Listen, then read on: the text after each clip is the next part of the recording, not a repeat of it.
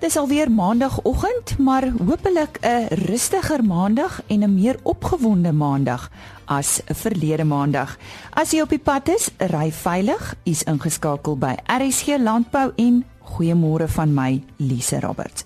Ons vertel hier vanoggend meer van 'n landbou voorsorgfonds en die maas het onlangs met Dr Dirk Strydom van Graan SA oor algemene graan sake gesels. Ons gesels ook spesifiek met Petro Fourie van Graan SA oor graan aanplantings en hoe die sake tans daaruit sien en dan ook 'n gesprek oor tropiese grasse.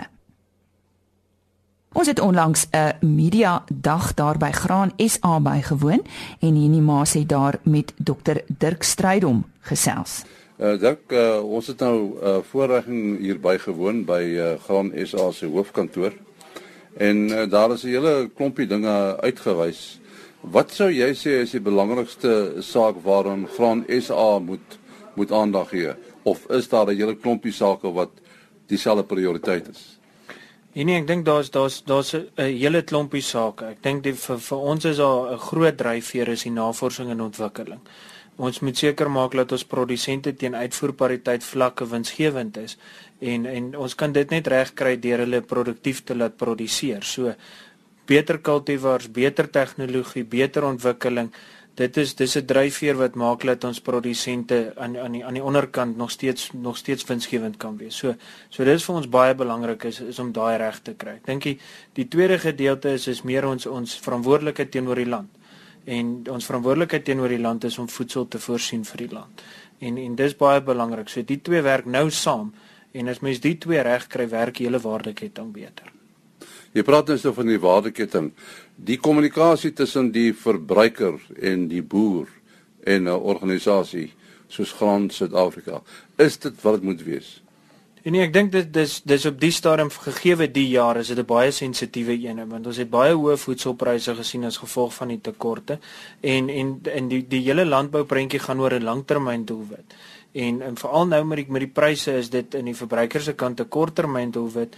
Ons sit met swak ekonomiese groei. Ons sit met met regtig swak finansiële toestande en dit dis 'n moeilike kommunikasie om te doen om te verstaan maar dit gaan eintlik op die ou end oor die langtermyn voedselproduksie en dit in die korttermyn moet ons maak dat dat dat almal in die waardeketting winsgewend is. En dis dis waar die die moeilike deel kom en ek dink die dit vir die verbruiker gaan dit oor wat kry ek vir my rand en in die hele industrie gaan dit oor hoe gaan ons daai rand tot die beste gebruik om vir vir altyd voedsel te kan produseer. En ek ek dink 'n groot dryf is om lokaal voedsel te produseer. Dit is dis 'n hele waardeketting, is 'n hele ekonomiese stelsel. Dis 'n hele sosiale stelsel wat aan die gang hou. En dis dis moeilik om daai boodskap oor te kry. Vir 'n verbruiker gaan dit oor wat kan ek met my R10 koop? En en dis dis 'n moeilike balans maar die verbruiker bly belangrik want dis die ou wat die produk koop op die einde van die dag. Ja en hy weet niks van invoer en uitvoer pariteit nie. Ja, dis die dis die groot. So daar's 'n groot opvoedkundige gedeelte wat moet gebeur is om te sê maar hoe werk die hele stelsel? En ek dink 'n groot deel is is as mens gaan kyk as jy baie mense sê maar waar maak ons die vordering in landbou? En jy maak ons maak verskriklike groot vordering in landbou. Maar landbou is nie 'n besigheid wat jy kapitaal insit en jy sien nie dividende oor 6 maande nie. Ek meen as dit uit natuurlike faktore, as dit reën, dan gaan dit goed. As dit nie reën nie, dan gaan dit nie goed nie. En jy sit met 'n produksiesiklus. So jy probeer nou 'n ding en as hy nie werk nie, kan jy hom eers weer volgende jaar probeer. So dis nie dis nie 'n dis 'n tydfaktor ding en dit dit vat tyd om 'n om 'n landbou te ontwikkel. Maar ons doen goed. As ons gaan kyk internasionaal is ons groei baie beter as van die ander van die ander lande se groei en dit dit is 'n positiewe punt om te sê ons werk na die regte rigting toe. En dit dis belangrik. Ja, eintlik as 'n boer nie 'n boer nie, maar waarskynlik 'n risikobestuurder. Ja, ek het 'n boer is is uit en uit 'n risikobestuurder. Ek het ek, ek het as mens gaan kyk, gemiddeld sit 'n boer 15 miljoen rand in die grond in en hy het geen idee wat gaan sy wat gaan sy sy return on investment met dit wees nie. So hy dis uit en uit 'n risikobestuurder en ek dink dis waar ons ons ons produsente moet waardeer. Ehm um, die die mense is is besigheidsmense in 'n bedryf vir besigheid, maar dis 'n besigheid met verskriklik baie onsekerhede en verskriklik baie risiko's. En dis wat ons tans mee sit is as ons kyk na die weste, Niemand weet waar gaan die weste die jaar uitdraai nie. Tans lyk dit nie goed nie. Daar's baie warm tye, daar's warm winde wat die wat die beskadiging van die van die mielies wat wat nog vroeë mielies is, daar is en dit skep onsekerhede en ek meen die weste is 'n jaar wat nou al 5 jaar met droogte sit en en die vraag is wat kan hulle nog gedroogte hanteer en dit dis bekommernis en risiko's. So ek dink dis 'n groot waardering vir produsente om om die risiko's te aanvaar vir 'n verantwoordelikheid om vir die land kos te produseer. Nou ons het vroeër van die waardeketting gepraat. Hoe deursigtig uh, is die waardeketting? Uh, is dit nie een van die probleme waarom die verbruiker nie verstaan nie? Ja, ek dink die ek dink die waardeketting is 'n baie komplekse stelsel en dis dis dis meer waar die waar die waar die verbruiker nie altyd verstaan nie. So 'n 'n 'n goeie voorbeeld is die koringprys. Ehm um, almal dink die koringprys is direk gekoppel aan 'n aan 'n broodprys. Maar koring maak slegs 20% van 'n brood uit. Daar's brood moet vervoer word. Dis die vervoerkoste. Dis al daai tipe van goed wat 'n rol speel en die verbruiker verstaan dit nie altyd. So die oomblik as mens sien hier kom nou iets op koring, dink mense dis 'n outomatiese impak op die op die broodprys, maar koring maak slegs 'n gedeelte uit van daai brood. En ek dink dis waar die komplekse sisteme van 'n waardeketting moet beter verstaan word. En die maas daar 'n gesprek met Dr Dirk Strydom van Graan SA. Daar is 'n spreekwoord wat sê voorsorg is beter as nasorg. Die landbousektor voorsorgfonds is 'n unieke voorsorgfonds wat aftree, uitdienstredings, sterfte en ongeskiktheids- en begrafnisvoordele in 'n enkele pakket aan werknemers in die landbousektor bied. Ek gesels vanoggend hieroor met Basie van der Merwe en hy is hoofbeampte van die landbousektor voorsorgfonds. Basie, waaraan het die landbousektor voorsorgfonds sy ontstaan te danke en wat was die doel vir die stigting van hierdie fonds? Die landbousektor voorsorgfonds is gestig deur georganiseerde landbou, naamlik Agri SA en die TLE SA. Hierdie organisasies het met die stigting 'n meganisme gesoek waarmee hulle hul sosiale verantwoordelikheid ten opsigte van hulle werkers mag op 'n baie eenvoudige en 'n bekostigbare wyse kan aanspreek van daardie stigting van die landbou sektor voorsorgfonds. Die doel van die voorsorgfonds is om met 'n enkele bydrae voorsiening te maak vir 'n spaarkomponent en risikovoordele soos 'n enkel bedrag sterfte, ongeskiktheidsvoordele en ook begrafnisvoordele vir die lid en sy direkte familie aan te bied. Wie is dan verantwoordelik vir die administrasie van hierdie fonds? Die administrasie en die konsultasiedienste van die voorsorgfonds word gedoen deur 'n welbekende finansiële instelling in die landboukringe, naamlik Absa, deur 'n divisie in die groep naamlik Absa Konsultante en Aktuarisse wat spesialiseer in werknemersvoordele. En deur wie word dit dan bestuur? Die fonds word bestuur deur die Landbousektor Voorsorgfonds uh is 'n raad van trustees en 'n hoofbeampte. Die trustees verteenwoordig georganiseerde landbou en ook onafhanklike kundige trustees. Ek as hoofbeampte het ook in my hoedanigheid meer as 30 jaar se ondervinding in die werknemersvoordele industrie. Basie, wat sal jy sê aan aan watter belangrike eienskappe moet so 'n fonds voldoen? Vir die bestuur is, is die volgende 4 eienskappe krities belangrik, naamlik eerstene die bydraes en voordele moet maklik verstaanbaar en bekostigbaar wees. Die tweede eienskap is effektiewe dienslewering. Byvoorbeeld, begrafniseise moet binne 48 uur na ontvangs van alle dokumentasie uitbetaal kan word. En die derde punt is dienste en fooie moet kompeterend wees. Die vierde punt wat baie belangrik is, is die beleggingsinstrumente word gekies wat goeie opbrengste bied, maar ook beskerming bied teen markfluktuasies. Hierdie uh, landbou sektor voorsorgfonds bied verskeie opsies aan, uh, verneem ek verduidelik vir ons? Ja, die trustees poog om aan elke werkgewer sy behoeftes te voldoen en dit steeds so eenvoudig as moontlik te hou. Daarom het die trustees die landbouwerkgewers in twee kategorieë ingedeel, naamlik die eerste opsie is vir die meer vir die kleiner werkgewers in die landbousektor. Bied die landbousektor voorstel vir ons ses verskillende planne met elke opsie wat bestaan uit 'n vaste bydrae wat voorsiening maak vir spaar, sterfte, ongeskiktheid en familiebegrafnisvoordele. Die bydraes begin vanaf so min as R121 per werknemer. Dan die tweede opsie vir die groter werkgewers wat bydraes en en risikovoordele aan die werknemer se salaris wil koppel.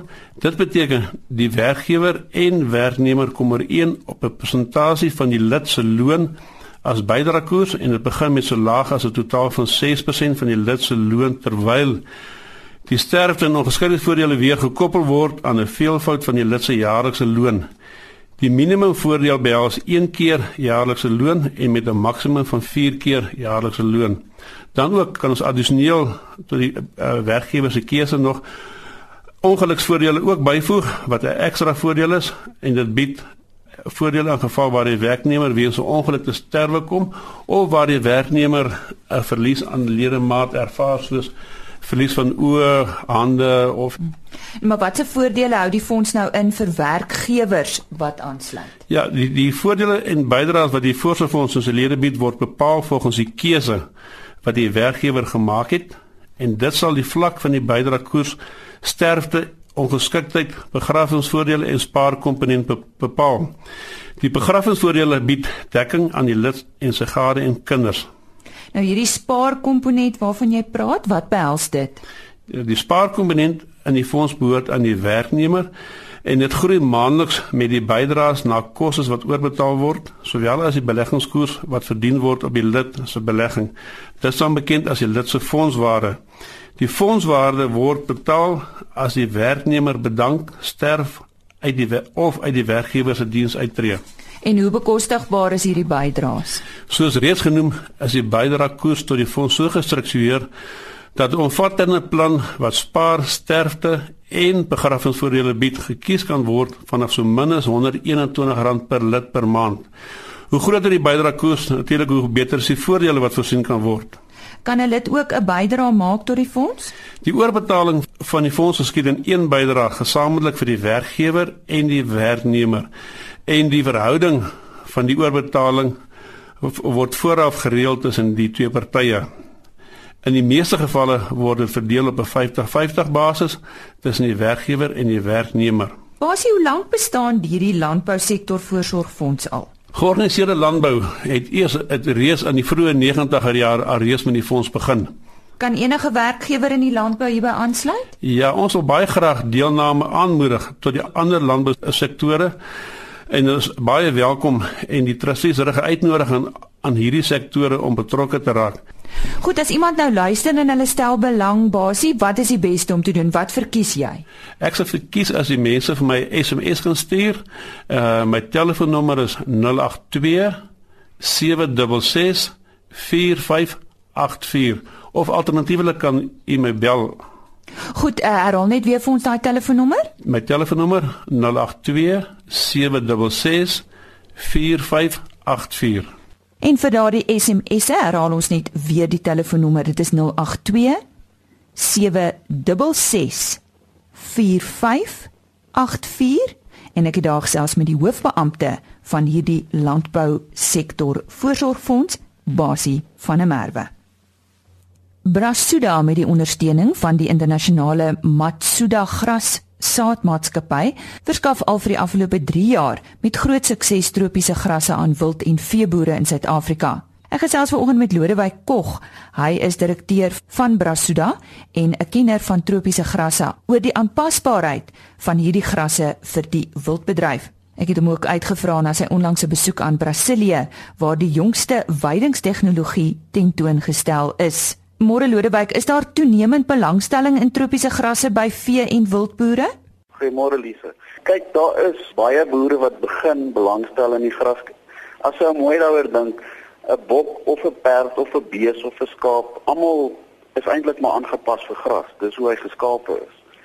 So en met die jare wat al die bokteelers nou ehm um, bokke in kampe gesit het, het hulle die kampe oorbewy en hulle moet op 'n manier die kampe weer terug rehabiliteer om gras te kan kry. Dis die goedkoopste manier om obviously vir jou jou jou diere kos te gee is om gras te plant en daar is 'n paar produkte in die mark um waarmee jy dit kan vestig. Watter voordele bied juis tropiese grasse byvoorbeeld vir wildweiding?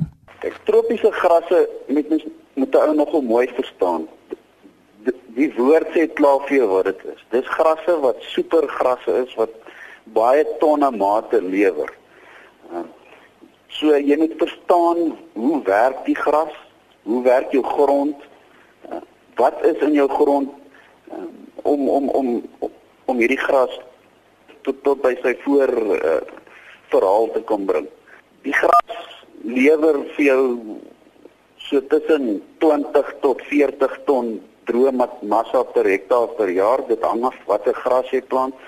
Ehm uh, onder die tropiese grasse is die mees populêre populêre een 'n Panica maximum wat 'n wit buffel is.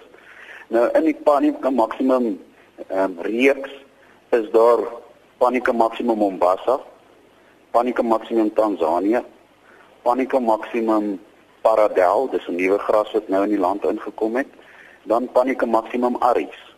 Uh, ons eie Suid-Afrikaanse Panicum kan nou ook oorweeg, uh, alhoewel hy nie dieselfde tonne mate gee as hierdie grasse wat deesdae in die land inkom nie. Ehm um, uh, maar uh, daar's baie opsies vir elke boer. Uh, en en party boere wil dit graag wy, party boere wil dit aanplant en sny um, en baal afhangende van wat jy wil doen. Um, is daar uh, 'n gras waarmee van die saadverskaffers jou kan help? Jy moet net weet wat is vir jou die beste. Nou jy was uh, onlangs in Brasilië. Uh vertel ons bietjie wat uh, wat het jy daar gaan doen en en so bietjie van die tegnologie wat daar bekend gestel is. Ja, ek was by obviously by saadverskaffer gewees in Brasilië. Nou Brasilië is maar die kenners op die gebied van gras. Ehm um, hoekom? Omdat hulle soveel beeste het, het hulle gaan soek na grasse reg oor die wêreld en hulle die grasse geïdentifiseer, geïdentifiseer en teruggebring Brasil toe. En daar het hulle dit gaan veredel en verbeter en geselekteer um, om van die smaaklike grasse te kan kry. Um, dis dieselfde soos as jy 'n narkieboom het.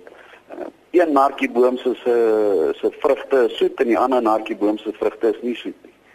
Um, en hulle het maar dit so geselekteer tot hulle die die die soeter grasse gekry het, die meer smaaklike grasse, die meer wat meer proteïene gee, het um, het hulle gaan selekteer en daardeur het hulle dit vermeerder. Um, hulle so ver vooruit. Um, in die wêreld met gras en grasontwikkeling. Dis ongelooflik om te sien hoe daai ons boer. Um, ek het so baie geleer daar. Um, van my eie tipe grasse, my eie my eie maatskappy se grasse het ons het ek obviously ook baie geleer. Nou daar's verskillende tegnologieë in Brasil hoe hulle die gras ehm um, skarifiseer. Sekere maatskappye het 'n meganiese skarifisering. Ander um, ons het nou weer 'n ander tipe van skarifisering wat ons dit chemies doen. Ehm um, en dan kan jy nog ook van die goeders word nou gekoud van 'n polymer oor wat wat ons grasse nou ehm um, het is 'n polymer oor maar die polymer help met verrotting van van van saad. Ehm um, as dit te veel water is, dan bly hy langer soort van voordat hy verrot. Hy laat net genoeg water deur die huid van die van die saadjie en dan as hy in die regte toestand is, dan ontkiem hy. Ons sit ook 'n insektiside oor hom, ehm um, en 'n fungicide oor die oor die gras wat nou help dat as die gras gewoon ontkiem het, dan gaan die wortels van die gras nie vrot nie. Ja, dis maar 'n antibiotika wat wat wat bykom. Nou van die maatskappye doen dit en van die maatskappye doen doen dit nie. Ek dink 'n ou moet die, jou huiswerk gaan doen om te gaan kyk watter van die maatskappye heidaglik in Suid-Afrika bied vir jou daai tipe van gras en watter doen dit nie. Koud gekoute saad is 'n nuwe ding wat begin inkom. Ehm um, veral in Brasilië, daar's groot probleme rondom gekoute saad omdat jy nie weet wat binne in die coating is. Weet jy nie is daai saadjie is dit 'n klippie eh, en en en daar's baie maatskappye wat wegkom daarmee wat vir jou saad gee en dan is dit nie eintlik saad nie en die ontkieming is swak. Ek het syfers gesien van baie maatskappye in Brasil wat hulle nou vir my gewys het wat se saad die verskillende ontkiemingspersentasies in sukses sukses ehm um, van die gras het as dit nou opgekom het. Ehm um, ongelukkig ehm um, kan ek nie sê wie is wie nie, ehm um, ek alhoewel ek weet. Sê vir my tropiese grasse. Nou die woord tropies maak dit nou so onmiddellik vir my nie aanpasbaar vir Suid-Afrika nie. So kan dit oral in Suid-Afrika geplant word. Kyk, dit is so. Dit is 'n tropiese gras. So as jy mooi gaan kyk, waar kom hierdie gras eintlik vandaan? Hulle kom oor die troop hier by die Ewenaar het hulle baie van hierdie hierdie grasse geselekteer. Onder andere Mombasa of Tanzanië kom hier uit Kenia uiteindelik. Ehm um, en as jy mooi gaan dink ook Kenia, dis daar waar die wilde beeste trek na die gras. Ehm um, so ja, het water nodig.